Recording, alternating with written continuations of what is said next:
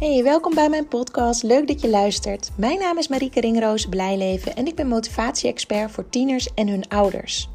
Zodra je tiener naar de middelbare school gaat, verandert er direct al heel erg veel. Je tiener heeft opeens een weerwoord, is veel weg, doet niks aan school.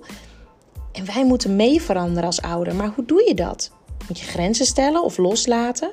We hebben het idee dat hij zoveel meer kan, maar niks doet. School lijkt hem gewoon niet te boeien. Elke dag ruzie over huiswerk en dan dat uitstelgedrag. Wat moet je ermee? En al die strijd, kan dat ook anders? Het antwoord is ja. In deze podcast deel ik praktische informatie over het opvoeden van je tiener en omgaan met hun motivatieproblematiek. Handvatten, inspiratie, tips en tools om meer positiviteit, rust, ontspanning en gezelligheid te ervaren binnen het gezin. Want dat willen we toch allemaal? Ben je er klaar voor? Let's go!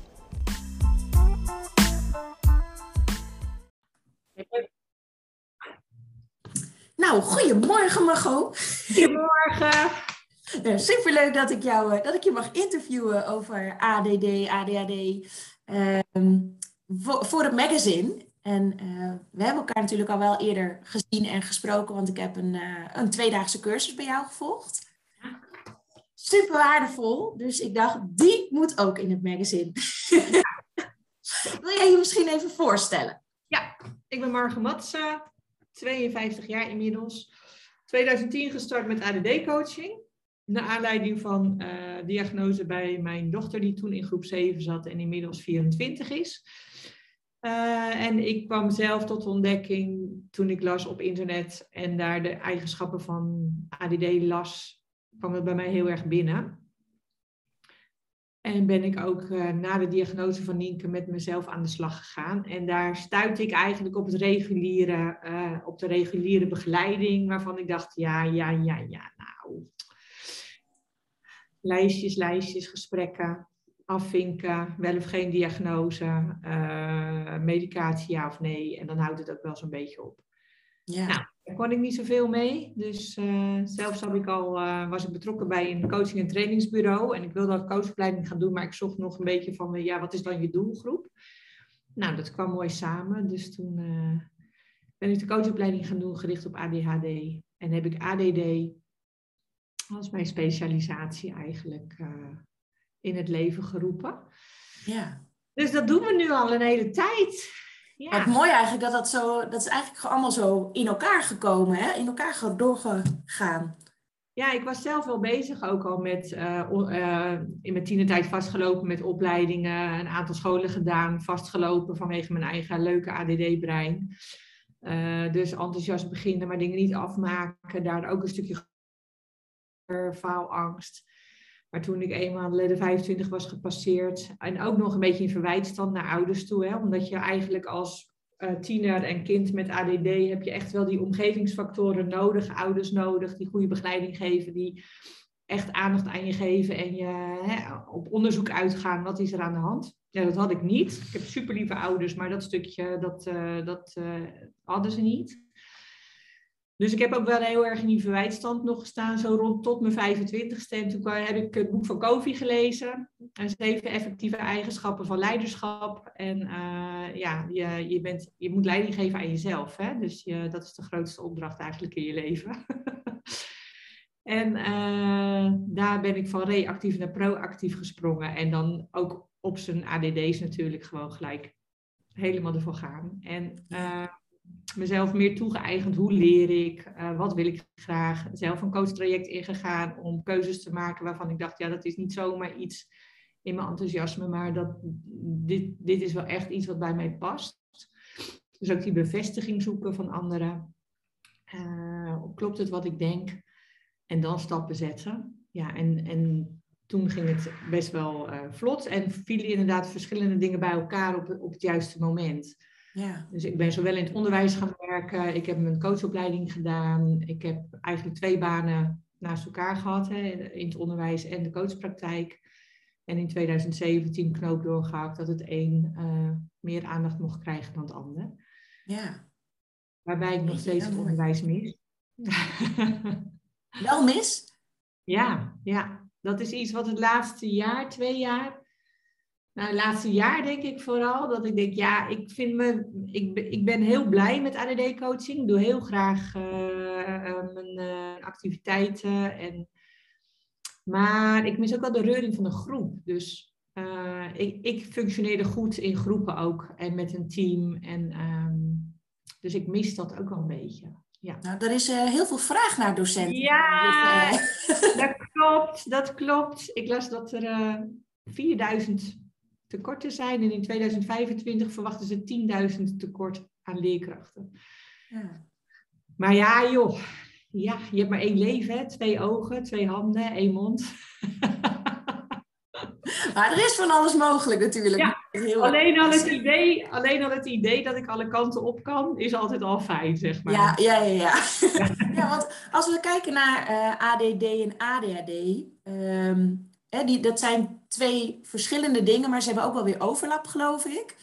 Wat, wat is, laten we beginnen bij ADD. Wat is ADD eigenlijk? Een aandachttekortstoornis, als we het volgens de boekjes uh, benoemen. Ja. Maar dat vind ik een hele foute term, want je kan wel degelijk je aandacht richten. Dat hoor je ook vaak terug, als je iets leuk vindt of ergens enthousiast over bent, dan heb ik juist mega veel aandacht voor dat onderwerp. Alleen de kunst is natuurlijk dat er hè, met opleiding, werk, heb je ook altijd facetten waar je niet zo, niet zo gemotiveerd, niet leuk vindt. En dan is het voor een, iemand met ADD dubbel zo moeilijk om die aandacht te richten. Dat is ook voor een ADHD'er trouwens hetzelfde. Ja. Uh, wat je bij ADD ziet is dat de, dat de hyperactiviteit en impulsiviteit minder aanwezig is, maar vooral het overwegend onoplettend type, zeg maar. Dus afwezig, dromerig, uh, in jezelf gekeerd, uh, sommige partijen zeggen, ja, dat is de introverte kant van ADHD. Weet je, dus de, de ADHD is, dan ben je extravert en ADD is introvert. Nou, dat, ik weet het niet zo goed of dat dan zo werkt. In mijn optiek is dat niet helemaal uh, uh, de juiste, het juiste hokje en vakje waar we altijd naar op zoek zijn. Ook jij weer, Marieke, met je vragen.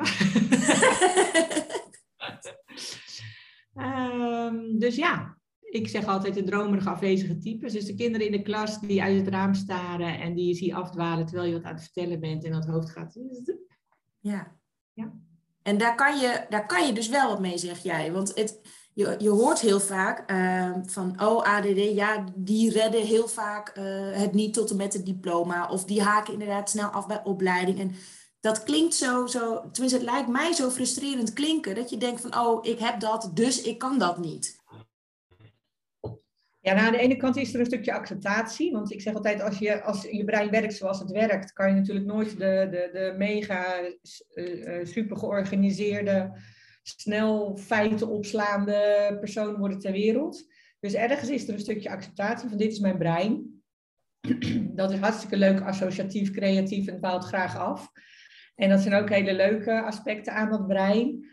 Um, dus aan de ene kant een stukje acceptatie en aan de andere kant ook als je dan doelen hebt of als er dan, nee, je moet gewoon in Nederland naar school, je basisschool, je hebt je middelbare school, uh, nou noem maar op. En je hebt ook je intelligentie en je hebt ook je, je ambitie, dus je wil ook doelen behalen, je wil ook doelen bereiken.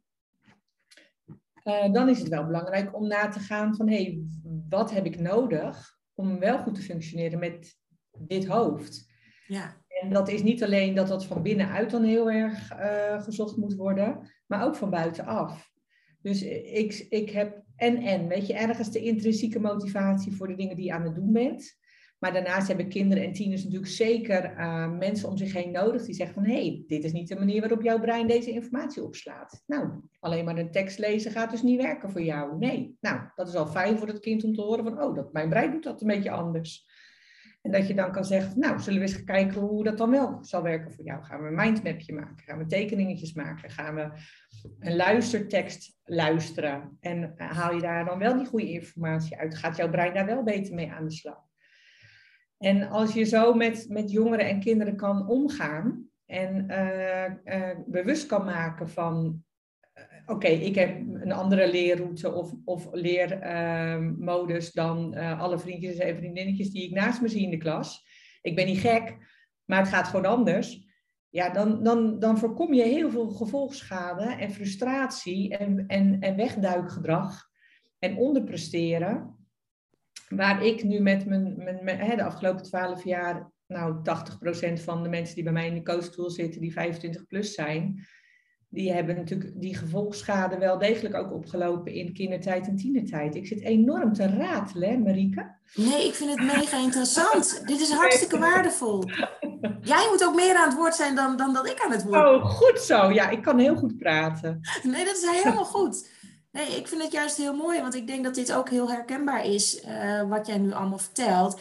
En uh, dan denk ik ook van ja, dus zodra een, een, een kind of een tiener of misschien een ouder merkt dat, het, dat de lesstof zeg maar, niet opgeslagen wordt of überhaupt informatie wordt opgeslagen en iedereen om je heen lijkt te kunnen, maar bij jou niet. Dat kunnen eventueel al signalen zijn van hey, kijk eens welke manier wel bij jou past. Dat dit dus niet de manier is voor jou. Als je op die manier naar gaat kijken, dat voelt al anders dan dat je denkt, oh, ik ben dom. Of, of ja, ik kan het niet. Uh, ik ben niet slim genoeg. Ik heb geen doorzettingsvermogen. Ik kan mijn aandacht er niet bij houden. Ik ben altijd druk met andere dingen. En anderen kunnen dat wel. Weet je, zo, zo zwaar wordt dat vaak. Uh, en heel vaak bij kinderen en tieners natuurlijk nog voor een groot gedeelte onbewust. En hoe ouder ze worden, hoe meer ze zich bewust worden ook van die interne criticus. En, uh, maar ja, en dan? Als je dan, dan niet die begeleiding hebt, niet een plek hebt waar je je verhaal kwijt kan, niet iemand hebt met wie je eerlijk en open kan praten en kan zeggen van ik heb geen flauw idee wat er allemaal in mijn hoofd gebeurt en uh, mijn emoties uh, zit ik ook mee in de knoop. En het liefst duik ik weg met een Netflix of gamen of uh, een boek op de bank. En sluit ik me af voor de hele buitenwereld. Ja, dan wordt het een eenzaam bestaan. Ja, dus is het dan eigenlijk ook zo dat, dat er, uh, als we het over, over kinderen en tieners hebben, dat de volwassenen eigenlijk nodig zijn om hier bewust van te worden? Want zij weten zelf niet beter natuurlijk, de kinderen en de jongeren. Ja, ik denk kinderen en jongeren hebben zeker mensen om zich heen nodig. Het liefst, uh, wat ik nu zie op de jongerentraining, uh, zelf ben ik 52. Dus als ik de, de jongerentraining draai, dan ben ik een soort van moeder in verhouding tot leeftijd van de jongeren. ik vind het super gaaf dat Nienke en uh, Jasper, 24 en 31, dat die dan bij de jongeren uh, daarover kunnen praten en ook kunnen zeggen, dat is gewoon zwaar kut. En dat heb ik ook meegemaakt. En uh, ja, was voor mij ook een zoektocht. En Hè, Nienke kan dan zeggen, uh, die refereert dan toch ook wel veel naar. Ja, en mijn moeder die uh, zei dan: je moet gewoon zorgen dat je iemand op school hebt aan wie je alles kan vragen. Desnoods uh, je die één of twee keer in het jaar met, met iets. Weet je, als je het gevoel hebt dat er ongelijkheid zit, van ik heb altijd iemand nodig die mij hulp helpt om wegwijs te worden in dat stomme digitale systeem van school. Of waar, hè, welke toetsen we nu weer moeten leren. Maar ja, die heeft daar heel erg en, en, dat komt door mij. En ik wou, zou willen dat ik dat gehad had bij mijn ouders. Uh, dat ze hadden gezegd van nee Margot, uh, die intelligentie voor jou is helemaal prima. Uh, eind CITO-score, groep basisschool, hartstikke goed. We gaan je niet zomaar ergens op een school parkeren. We gaan kijken wat echt bij jou past en wat je nodig hebt. Um, ja, dat had voor mij heel fijn geweest. Um, en als ik erom vroeg, de dingen thuis, dan kreeg ik ook wel dat. Maar dat moest ik zelf aangeven. En ik was niet altijd in staat, zeker niet in mijn tienertijd, want ik wist niet waar ik nou eigenlijk iedere keer op stuk liep. Nee, dat is, dat is logisch dat je dat dan nog niet weet. Want als jij dit, dit weet jij dan nu, wat voor tips, concrete tips heb jij voor de ouders? Dus inderdaad zeggen van, nou, we zien je intelligentie, we weten wat je kan en we gaan kijken wat je nodig hebt. Is dat, is dat eigenlijk het belangrijkste? Ja, ja. En ik denk ook, um, weet je, aan de ene kant ben ik heel huiverig, want ik heb het woord ADD bij Nienke bijna nooit gebruikt. Dus toen ze die diagnose kreeg in groep 7, hebben we wel gekeken, heb jij wat nodig aan medicatie? Uh, we hebben huiswerkbegeleiding één uurtje in de week ingeschakeld. Er kwam iemand naar ons huis en die ging gewoon een uurtje of anderhalf met Nienke aan tafel zitten. Een student hoeft helemaal niet duur te zijn. Dat je al die huiswerkbegeleiding, honderden euro's per maand, denk ik, nou, ja, of het moet een hele goede organisatie zijn, maar liever gewoon één persoon naast jouw kind met ADD. Uh, omdat dan die sociale controle er echt is en het kind echt wel aan de slag gaat en het vaak ook wel een beetje gezellig vindt als er nog iemand bij je zit. Um, ja, nu ben ik geloof ik een beetje de draad kwijt. Nou dat dat het belangrijkste is inderdaad. Dat je kijkt van of iemand naast je kind kan gaan zitten. Hè? Wat je kind nodig heeft om, ehm, ja, om wel voor elkaar te krijgen. Ja, dus aan de ene kant uh, die, die, die diagnose bij Nienke dan. Hè? Ik, ga, ik, ik vertel even vanuit mijn eigen ervaring. Ja. Uh, lichte medicatie, huiswerkbegeleiding ingeschakeld. Want Nienke en ik thuis aan tafel, dat zie je natuurlijk ook vaak met ouders en, en tieners of kinderen dat dat, dat, dat kan botsen. Weet je, als je niet, sommige ouders doen het fantastisch hoor. Want ik heb echt ook hier in coronatijd dat ik ouders hoor hoe ze thuis onderwijs doen met hun eigen kinderen. Ook met eh, vader met ADD, met zoon met ADD. En die dan juist goed gaan omdat hij het begrijpt en geduld heeft. dus het is niet standaard dat dat niet werkt. Maar bij mij en Nienke, daar kwam snel irritatie en frustratie. Dus ik dacht, ik moet dat niet zelf willen doen. Ook daarin moet je als ouder nadenken, wat kan ik zelf bieden en wat kan ik zelf doen en wat moet ik, moet ik gewoon echt niet zelf willen. Nee. Uh, dus die, ja, dat, dat balanceren tussen um, kijken wat het kind nodig heeft, kijken wat je zelf in huis hebt om wel of niet te bieden. En ook externe hulp dan inschakelen. Ik ging dan liever maar een paar uur meer werken, dat ik alle hulp kon betalen dan dat ik het zelf ging doen en dat we gefrustreerd raakten en dat het probleem alleen maar groter werd. En als de tiener dat niet wil, dat hoor ik namelijk heel veel bij ja, jongens, dat ze geen hulp willen, dat ze het zelf willen kunnen. En dat is echt een tiener-ding. Zie jij dat het bij jongens veel meer is dan bij meisjes? Ja. Ja, bij jongens is het ingewikkeld. Ik heb zelf ook een hele leuke jongste van 19. Die hou ik altijd een beetje buiten schot als we het over deze thema's uh, hebben. Maar die kreeg ik ook bijna niet in beweging. Maar ik heb daar wel ook vanaf lagere school een, een student naast gezet, of die wou of niet. Ja. En er was eigenlijk geen discussie over mogelijk. Um, en hij heeft, denk ik tot op de dag van vandaag, nog steeds het gevoel dat dat niet nodig was. Toen hij zijn diploma haalde, toen hij 16 was, toen zaten we in de auto terug naar huis en zei hij, nou, al die begeleiding, ik heb allemaal zeven gehaald, dat was helemaal niet nodig geweest. en, en ik roepen altijd, nou, ik heb je veterstrikdiploma gehaald, ik heb je zwemdiploma gehaald, ik heb je... Omdat ik er zo bovenop zat. Maar um, beetje humor en geef die jongeren dan ook maar de ruimte om te zeggen van, joh, we doen het vier keer. Het is vier keer vragen of deze persoon bij, naast jou komt zitten. Dan gaan we daarna, die vier keer, mag jij zeggen wat je er wel of niet van vindt. Want vaak is het bij jongens, denk ik, ook Um, nou, een stukje schaamte, een stukje uh, een beetje bokito-gedrag. Ik moet het allemaal zelf kunnen en ik heb geen hulp nodig. Um, en misschien ook wel sociale fobie, hè? dus een beetje sociale angst. Van dan zit er weer iemand naast me die ik niet ken. Ja. En, en wat heb ik daar dan mee? Dus dan, ja, ik zeg altijd, gooi alles op het gebied van we zijn aan het experimenteren. En dan kan je altijd onderweg kijken, is het wel wat of is het niet wat? Ja, en zo heb ik het ook met mijn eigen zoon gedaan inderdaad. met vijf keer met een bijlesdocent, een, een meisje uit Vier Havel toen.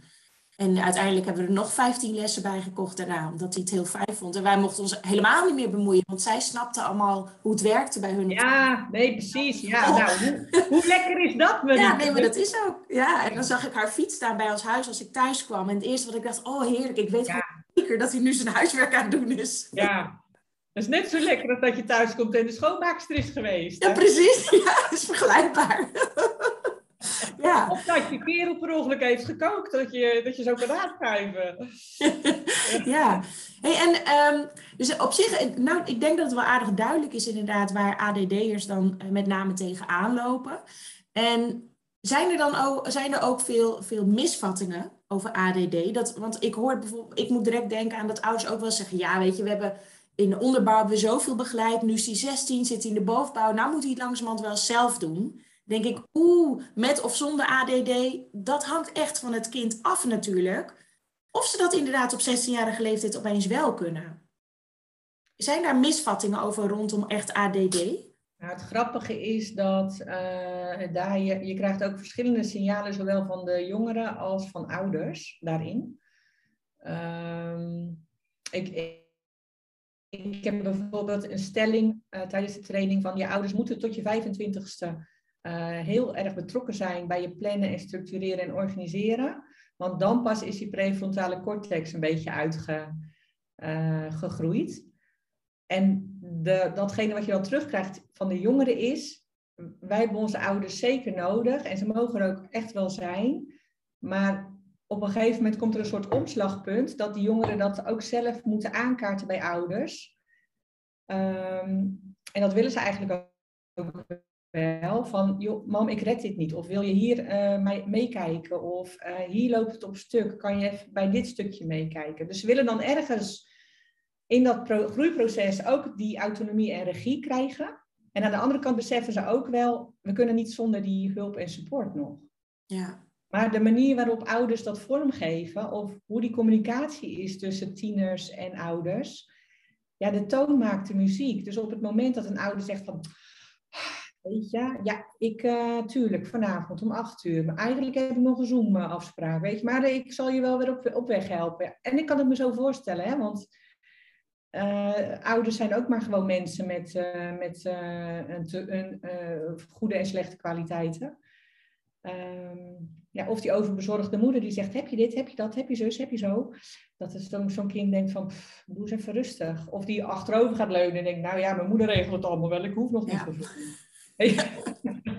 Ja, het, het, je kan eigenlijk niet alles op een grote hoop gooien. Maar um, ja, die, die, die balans vinden tussen betrokken aandacht, maar ook die autonomie geven en die regie geven.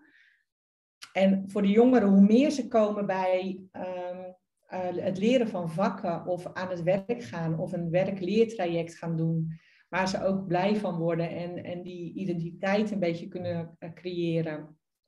En uh, blij van worden, zeg maar, hè? dat je toch bij die kwaliteit en talenten komt dan wordt die motivatie ook groter om dat stukje uh, theorie en leren mee te nemen. Ja. Maar dat is... Ja, ik, had, ik zit even te denken aan, gisteren sprak ik nog een vader, uh, die, die heeft een zoon, uh, die is nu 20 volgens mij, 19 of 20. En die vader zei van ja, ideeën heeft hij genoeg, maar er komt nooit wat van. En die ervaring heeft hij nu al jaren uh, met zijn zoon. Dus ik, ik snap ook wel dat dat frustrerend kan zijn voor een ouder. Van, uh, heeft hij weer een idee, maar er wordt toch niks. En ik, met die jongen heb ik dan, had ik dan dus ook gisteren een gesprek. En hebben we eigenlijk gekeken naar zijn executieve functies. Van waar, waar mag je nog wat ontwikkelen om juist jouw ideeën om te zetten in, in actie. En een van de interventies was dan een checklist maken. Dus we hebben samen een checklist gemaakt uh, over, hè, voor de taak die hij eigenlijk als idee had, wat hij heel graag wilde. En samen nagedacht, welke stappen moet je allemaal nemen voordat je dat doel hebt bereikt. En dat vond hij in het begin best lastig. Maar toen ik ging meedenken en, en eigenlijk de hele logische stappen, uh, voor mij logische stappen, benoemd. En, oh ja, tuurlijk, oh ja, tuurlijk. En toen kwam hij op gang en toen kwam hij ook met allemaal stappen. En dan weet hij waar hij moet beginnen. Was dat een jongen met ADD? Ja. Ja. Tenminste, hij is niet gediagnosticeerd, maar ik weet bijna zeker dat als hij de test of onderzoeken zou laten doen, dat dat zo. Ja. Hij zelf ook hoor. Wat, wat jij doet, is eigenlijk precies, weet je, die, die, als hij niet connect met die buitenwereld, wat jij in dat geval bent voor hem, hè, die,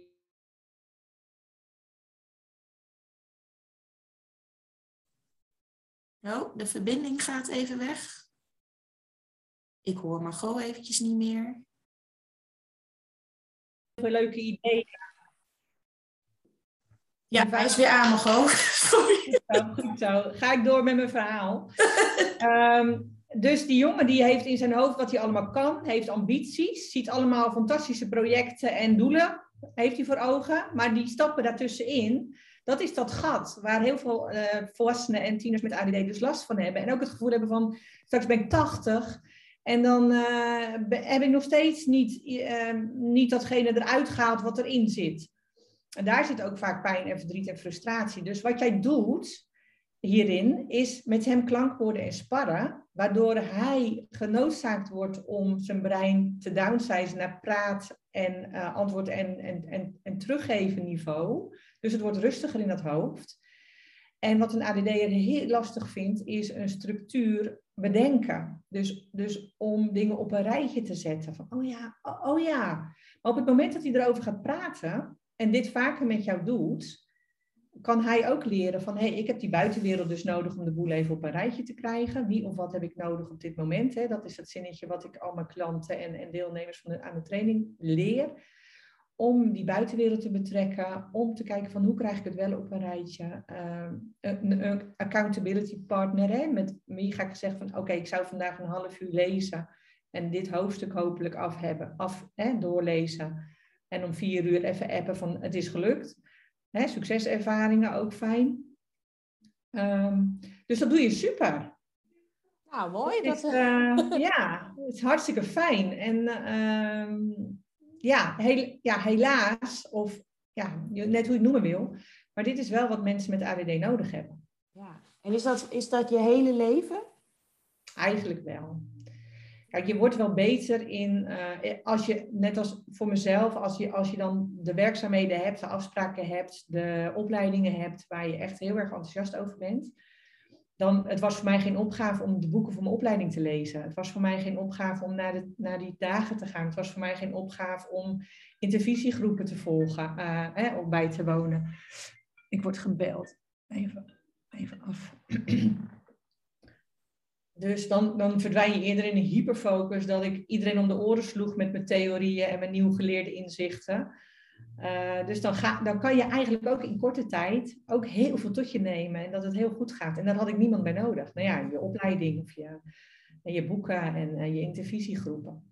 Ja, dus is, eh, wat jij in het begin van het gesprek eigenlijk ook zei, het is gewoon ook heel belangrijk om uh, ja, uit te zoeken waar jij zo blij van wordt. Ja, en, en gun jezelf en ook die gasten, en ook als ouder, uh, gun ze ook de ruimte om uh, te spartelen, te ploeteren, af en toe hun neuzen stoten, uh, een aantal verschillende opleidingen te starten als het niet al te veel geld kost. En je kan het ook allemaal bekostigen. Je kan trouwens ook vaak geld weer terugkrijgen als er een, een, een opleiding toch na twee, drie, vier maanden blijkt niet te werken. We hangen daar vaak zo'n enorme zwaard van Damocles boven. Dat je soms ook denkt van ja jongens, je bent 16 of je bent 18 en je kiest. En wat weet je nou helemaal? En op de opleiding zelf denk je van oh nou, boeit me eigenlijk voor geen meter. Of ik vind dit kleine stukje leuk en dat vind ik allemaal niet leuk. Ja, uh, hoe ga ik vier jaar vol krijgen? Ja. Ja, dus die ruimte geven aan je tiener en ook de tiener aan zichzelf. En je hoeft niet direct de perfecte keuze te maken qua opleiding. Nee. Um, gun jezelf de, de zoek... Ja, eigenlijk is het met alles een zoektocht. Ja dat vind ik wel grappig, want ik heb dan ook interviews gehad met specialisten op, uh, over hoogbegaafdheid. En eigenlijk lijkt het echt allemaal op elkaar. Want ook daarbij heb je hetzelfde nodig. Ja. Het is een zoektocht met elkaar en het liefst met ouderen en tieners samen. Het zou eigenlijk ook super leuk zijn, en misschien kunnen we dat uh, even idee, ik heb nu weer nieuwe ideeën altijd, hè, Om eens, uh, daar heb ik ook wel eens aan gedacht. Ik heb heel vaak ook ondernemers gehad in, de coach, in de coaching. Uh, die ergens op 13, 14, 15-jarige leeftijd gewoon uitvielen in het onderwijs. Maar daarna wel een heel succesvol en een heel mooi bedrijf hebben neergezet. Maar dat ging natuurlijk ook niet gelijk zo. Dus die, die, die, die ondervonden van alles in hun leven. Maar vaak enthousiasme, doorzettingsvermogen is niet het probleem. Nee. Dat is er echt wel. Ja. Dus uh, ja, ploeter en uh, vind dingen uit. En, en, en bedenk ook als je ergens aan begint en het is niks, weet je ook wat het, wat het niet is. Weet je? Dus dan kan je daar Wat was het idee? Want je zei, ik heb een idee. Nou, dat we ook eens met 50-plussers of zo gaan praten. Oh, ja. Zo van, hoe is, jou, hoe is dat nou gegaan? Ja. Weet je, je wist pas na je veertigste dat je ADD kreeg. Je krijgt natuurlijk heel veel mensen die op latere leeftijd diagnose krijgen. Of, of geen diagnose willen, maar wel weten, ik pas in het plaatje. En dat we eens terugkijken en zeggen van, hé, hoe heb jij je weg gegaan dan? En wat waren voor jou de succesfactoren? Ja. Voor de jongeren ook superleuk om te horen. Ja. We zitten zo aan die opleidingen vast. En uh, ja, in Nederland is dat zo belangrijk, dat alles wordt afgemeten aan dat papiertje. Ja. Dat, uh... Is dat ook een tip voor ouders, om dat wat meer los te laten en erop te vertrouwen dat ze uiteindelijk op hun plek komen als ze maar de ruimte krijgen de tijd en de aandacht om te ontdekken wat bij hun past? Ja, nou, ik zie het nu, uh, ik, ik hoop dat hij het oké vindt ik over hem praat. Ik zie het bij mijn zoon van 19. Die uh, is nu dit jaar eigenlijk gewoon als, als ZZP'er is hij aan het werk. En dan zit hij een paar maanden hier en dan loopt er toch iets spaak of vindt hij het niet helemaal oké. En dan heeft hij binnen een week of twee weken weer een andere job. En hij doet het allemaal zelf. Ik bemoei me helemaal nergens mee. Terwijl, en hij wil ook niet dat ik me ermee bemoei. Dus af en toe vraag ik, hey, hoe gaat hij? En uh, oh, je was bij een andere job. En hoe was dat? Nou, dan krijg ik uh, mondjesmaat antwoord. En ik denk, dit jaar is eigenlijk perfect voor hem. Ja. En dan kan ik wel denken, oh ja, maar hij ZZP'er, uh, pensioenopbouw, uh, als je arbeidsongeschikt wordt. Uh, weet je, dan kan ik als ouder ook in die angstmodus gaan zitten. Maar ik kan ook denken van, joh, doe jij, van, doe jij dit jaar gewoon lekker tien banen? Verhuur jezelf bij allerlei verschillende organisaties. Eigenlijk leert hij denk ik in dit jaar meer dan dat hij de afgelopen vier jaar op die middelbare school heeft, of die jaren daarvoor heeft geleerd. Ja. Dus hij is nu zelfstandiger aan het worden, autonoom. Hij maakt zelf zijn afspraken. Hij komt op tijd zijn bed uit. Hij rijdt zijn eigen autootje. Maar hij regelt het, in, wat je zegt, hij regelt het wel allemaal. Hè? En, ja. Er zullen ook best wat ouders zijn die denken van ja, mijn kind blijft in bed liggen. Die onderneemt helemaal niet. Nou, dat heb ik ook gehad. Ik, ik, heb ook een gast gehad die, die soms een aantal maanden uh, niks had. En dan pas om tien uur, uh, elf uur, half twaalf bed uitkwam. Maar het heeft voor mij in die periode ook niet zoveel nut gehad om daar dan heel erg op in te zoomen. Dus dan dacht ik van ja, er is nu geen opleiding. Nee, er is nu geen werk. Uh, ja, ik weet het ook niet. En ik ben zelf natuurlijk ook nog ziek geweest vorig jaar.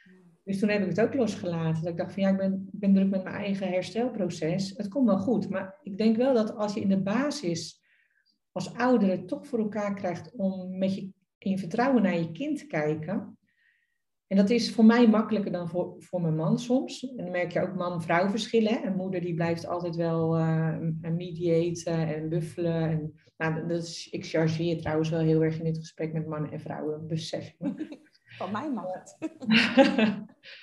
um, maar vertrouwen hebben, blijven uitspreken en zeggen het komt wel goed met jou. Of ik zie jouw kwaliteit wel. En dat, de opmerking van die vader raakte mij dan ook. Hè, van ja, er komt nooit, je, je hebt zoveel ideeën, maar er komt nooit iets uit. En dan denk ik, dat woordje nooit, dat klopt natuurlijk voor geen kant. Nee.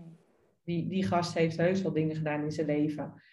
Uh, waar hij blij is, mee was, waar hij trots op was. Een project of met samenwerking of met iets creatiefs. Misschien helemaal niks met school gerelateerd. Maar er zijn natuurlijk echt wel dingen die die jongen in zijn spel, creativiteit, met zijn bijzondere brein wel gedaan heeft. Ja. En, en, en ouders zien dat niet. Want wij, wij focussen op school, resultaten, goede baan, goeie, goeie, goed geld verdienen. En dan nog geen huis kunnen kopen in Nederland. inderdaad. ja. ja, mooi. Dus dat, dat vertrouwen inderdaad is, is, is gewoon echt de basis. En ook het serieus nemen waar ze tegenaan lopen, erkenning geven waar ze tegenaan lopen. En samen kijken, maar wat werkt dan wel voor jou? Ja. En ehm, wat die specialisten op het gebied van hoogbegaafdheid zeiden, zeiden ook van ja, het is heel waardevol om je als ouder, maar ook als docent of mentor te verdiepen in hoogbegaafdheid. Hoe werkt dat? Ik kan me voorstellen dat het bij ADD ook zo is. Nou ja, het is natuurlijk ook vaak een andere level van denken. Hè? Dus die denkprocessen die gaan heel anders. Hmm. En, en vaak is het voor iemand die dan uh, daar moeite mee heeft om daarbij aan te sluiten of aan te haken ook zoiets van, van wat voor planeet kom jij nou met je ja? En dat, dat kan lastig zijn, maar het kan ook leuk zijn. Ja. Denk, hey, hoe werkt dat in jouw hoofd? Hoe kom jij nu bij dit onderwerp? En, en, en uh, ja. Kan je dat uitleggen? Wat, wat? Kan jij uitleggen hoe dat werkt bij een ADD-brein? Dat er allemaal ideeën komen en... Nou, het, het associatieve en het al tien stappen verder zijn in je hoofd, dat, uh, dat is voor iedereen wel herkenbaar. Maar het is wat ik, wat ik ook wel soms zeg, is het is eigenlijk niet uit te leggen. Want hoe ga je uitleggen hoe je hoofd werkt? Aan iemand die, die netjes van A naar B denkt. Die kan daar, die, dat is ook lastig. Dus het is ook een stukje acceptatie daarin van hé, mijn hoofd werkt anders dan jouw hoofd. Ja. En dat kan die snelheid zijn, hè, met begrip. Ook informatieverwerking kan verschillend zijn. Dat van mij kan heel snel maar dat is ook weer niet voor alle ADD'ers zo. Dus soms is die informatieverwerking ook echt wel een stukje uh, minder snel. Ja, als, als je dan drie dingen achter elkaar te horen krijgt die je allemaal moet doen en jij bent bij één blijven hangen, dan, dan wordt het ook wel ingewikkeld. Maar um, ik, ik hoor het vaak van, met partners, hè? zo van ja, kan je, ik wil het zo graag aan mijn partner uitleggen wat er in mijn hoofd gebeurt. Want als hij dat dan snapt, dan neemt hij me niet meer kwalijk dat ik die drie afspraken daarna nog vergeten ben. Ja. Dan zeg ik, ja, maar zo werkt het niet, want begrijp jij zelf hoe je hoofd werkt? Oh. ja. ja. Ja, hoe moeilijk is het dan voor die ander? Dus daar zit eigenlijk gewoon ruimte en acceptatie. Weet je, ook bij partners onderling weer zo van ja, nou ja, goed, oké. dus ja, ja, ik heb die sleutel weer in die voordeur laten zitten. Dus de hele buurt had binnen kunnen komen. Ja, is hartstikke vervelend voor, voor mijn man. Die hecht heel erg aan veiligheid en ramen dicht en de deur op slot. Ja, en, en, en uh, daar kan hij bij mij eigenlijk niet op vertrouwen. Maar goed, we zijn toch al 32 jaar samen, dus ja. Hij heeft voor mij de deur nog niet op slot gedaan, dus dat scheelt vast. en zijn dat ook inderdaad dingen die je ook vaak van, van ouders hoort? Uh, wat ze moeilijk vinden bij hun tiener? Hè, ja, als je als ouder, als je, als je als ouder natuurlijk een brein hebt wat uh, vrij normaal functioneert en je hebt een kind waarvan je denkt, hoe zit dat nou joh? Wat, wat gebeurt er nou in dat hoofd? Ja, dat kan wel ingewikkeld zijn. En dan is het inderdaad wat hè, met het hoogbegaafde traject daarover lezen en daarmee begrip uh, over krijgen, dat maakt ook wel een stukje milder en dat, dat acceptatie wat eerder om de hoek komt kijken. Ja. Want is, is het bij ADD ook altijd zo dat er een van de ouders uh, het ook heeft?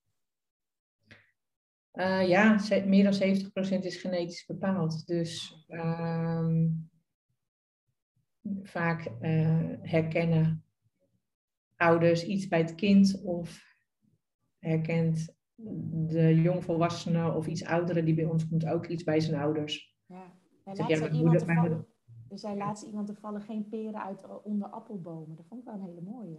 Ja. Ja. ja. Terwijl er moet wel een van de ouders ook die eigenschappen hebben. Of, of hè? Ja, en, en, en als je ouders dan hun weg hebben gevonden uh, met hun brein, Zoals als ik naar mijn ouders kijk. Ehm, ik, heb, ik heb een leuk interview, ik weet niet of je die gezien hebt al, met mijn moeder en met Nienke, met drie generaties. Oh ja, die, die, kunnen we wel even, die kan ik even opzoeken. Staat ook op de website, als het goed is. Um, kijk, mijn moeder heeft echt wel ADHD. En uh, ik schuif mijn vader onder het hokje ADD. Dus mijn vader die stond uh, bijna 40 jaar lang in, in zijn eigen worstmakerij, zijn eigen bubbel, radiootje aan, lekker zijn uh, producten te maken. En mijn moeder die was ta ta ta ta, ta op de markt. Mhm. En had daar haar podium, kreeg heel veel aandacht. En kon lekker haar talenten en kwaliteiten daarin kwijt. Ja, en ik zeg, ik ben eigenlijk van allebei uh, heb, ik, heb ik het beste meegekregen. Of het, slechtste, of het slechtste, net hoe je, er kijkt. uh, nou, dan zie ik bij mijn zus ook heel veel vergeetachtigheid en wazigheid. Maar die heeft nooit uh, in haar tienertijd het gevoel gehad van... ik ben ambitieus, ik wil leren, ik wil opleidingen doen. Die, die heeft dat stukje altijd niet. Dus die kon veel makkelijker accepteren dat... Die stond daar niet eens bij stil. Dus die was gewoon lekker aan het werken en deed haar ding. En ook prima. En, en met mijn ouders denk ik ook van ja, die mensen waren zich helemaal niet bewust van hoe hun brein werkte. Maar ze hebben wel in het leven keuzes gemaakt, waardoor ze de dingen deden waar ze heel erg blij van werden en waar, ze, waar ze op terugkijken met heel veel plezier. Ja, wat echt bij hun paste dus allebei. Ja, en dat is natuurlijk, ja precies. Soms is het ook wel zo dat ik denk, heeft het zoveel zin om alles onder het vergrootglas te leggen? Hè? Maar goed, aan de andere kant, ja, de, als er veel pijn en frustratie bij komt en mensen lopen echt vast, ja, dan moet je ook dingen onder het vergrootglas gaan leggen. Ja, het is, het is, ja en dat is eigenlijk bij alle uh, dingen die af, afwijken van het gemiddelde. Hè, de vraag is, wat is gemiddeld en wat is normaal? Ja, dat, is er niet. dan anders voelt, dat je je dom voelt, dat je, dat je de wereld niet begrijpt of het gevoel hebt dat de wereld jou niet begrijpt. Ja. Dat zijn eigenlijk allemaal signalen dat er, dat er niet iets mis is met je, maar dat je mag gaan kijken van hé, hey, maar wat, uh, wat werkt dan wel? Wat past wel bij mij? En dat is ook eigenlijk de manier waarop ik heel erg coach. Het maakt niet uit of iemand een diagnose heeft of niet.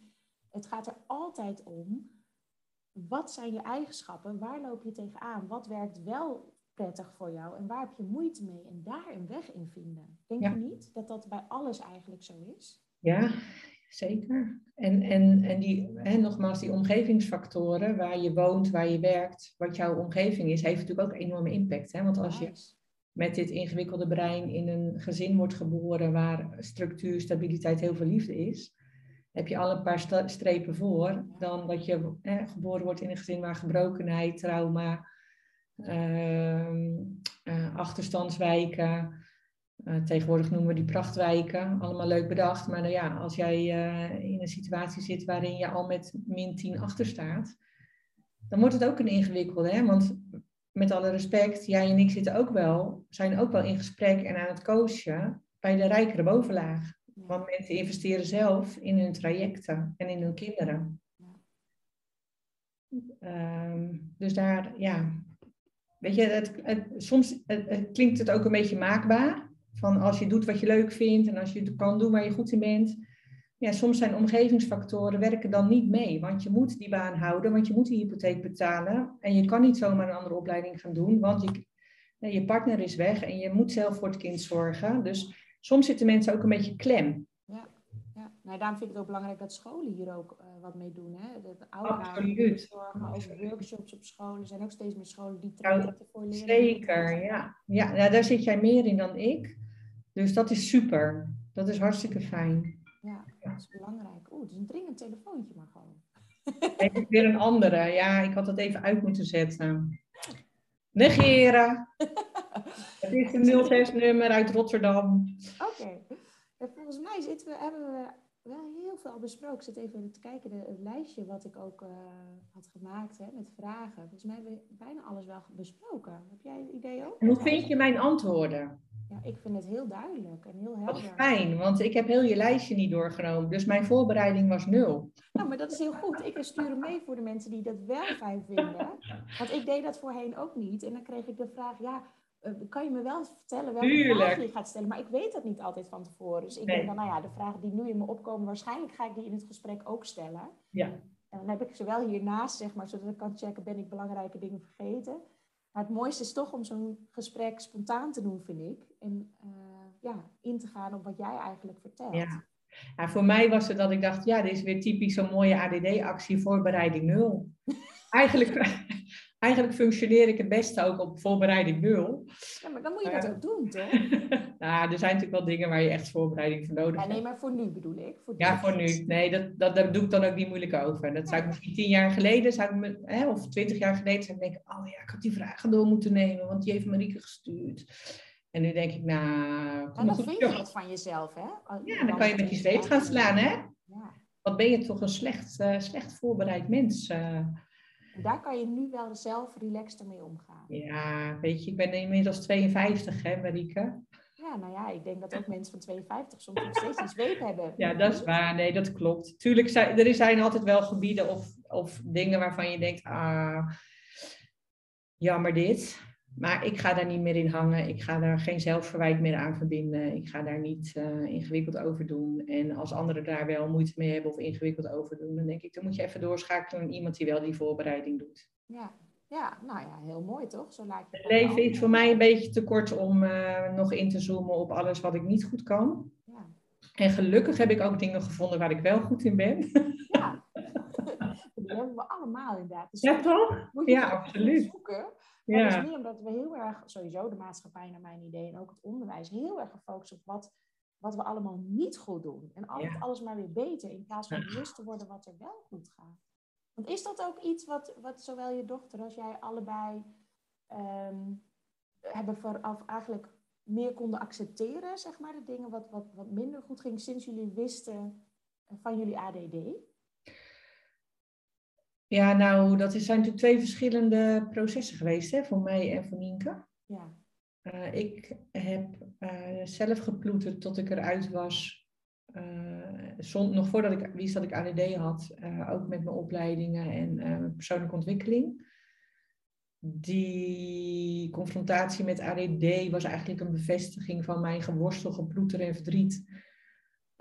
dat dat dus ergens doorkwam en dat het niet lag aan mijn eh, intelligentie of gebrek aan doorzettingsvermogen.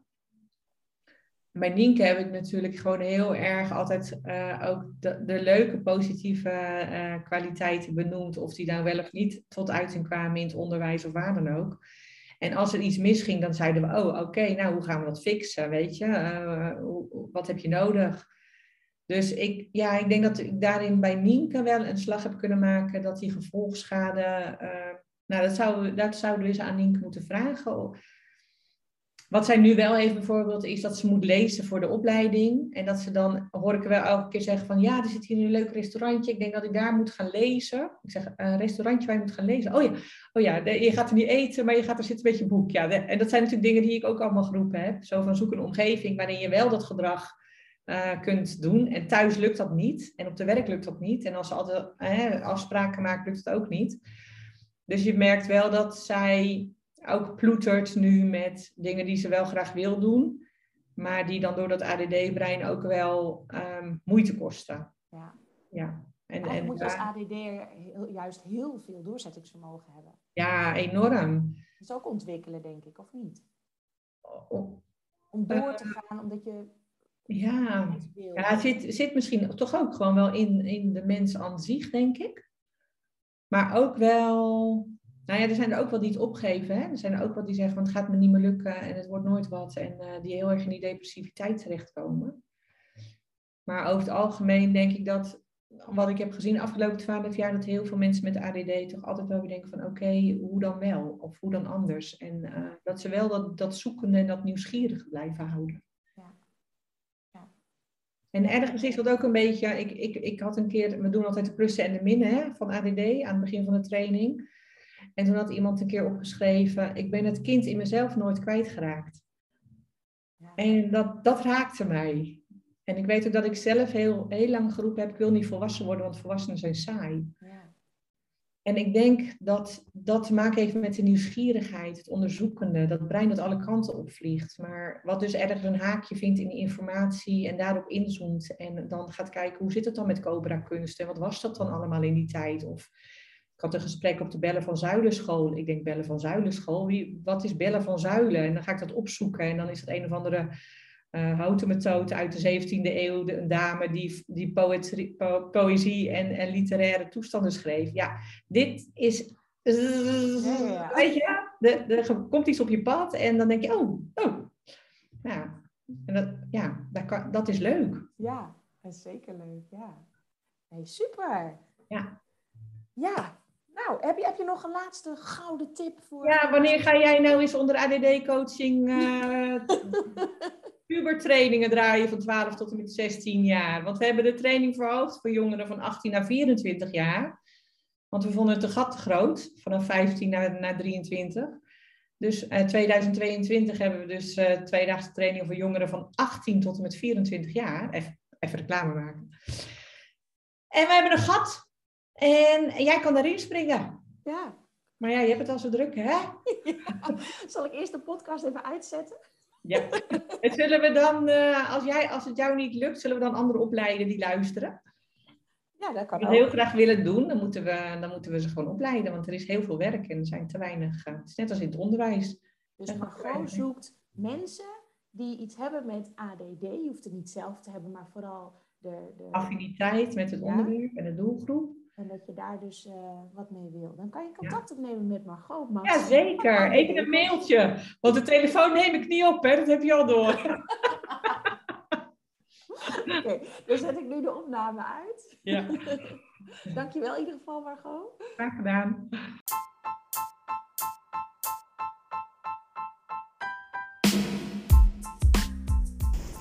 Bedankt voor het luisteren. Ik hoop dat je er veel informatie, tips en tools uit hebt kunnen halen die je zelf kan toepassen bij jou thuis met je puber. Hoe tof zou het zijn als het lukt om landelijk het aantal onnodige zakkers, dublanten en afstromers terug te dringen? Wil je meehelpen? Deel dan mijn podcast zo vaak mogelijk op social media of mijn berichten en tag mij erin, want ik vind het super tof om te weten wie er luistert naar mijn podcast en wie mijn berichten bekijkt. Ken je een moeder of een vader of een docent die deze informatie ook kan gebruiken? Deel het, want zo zorgen we ervoor dat heel Nederland positiever in de puberteit wordt. Yes, dankjewel.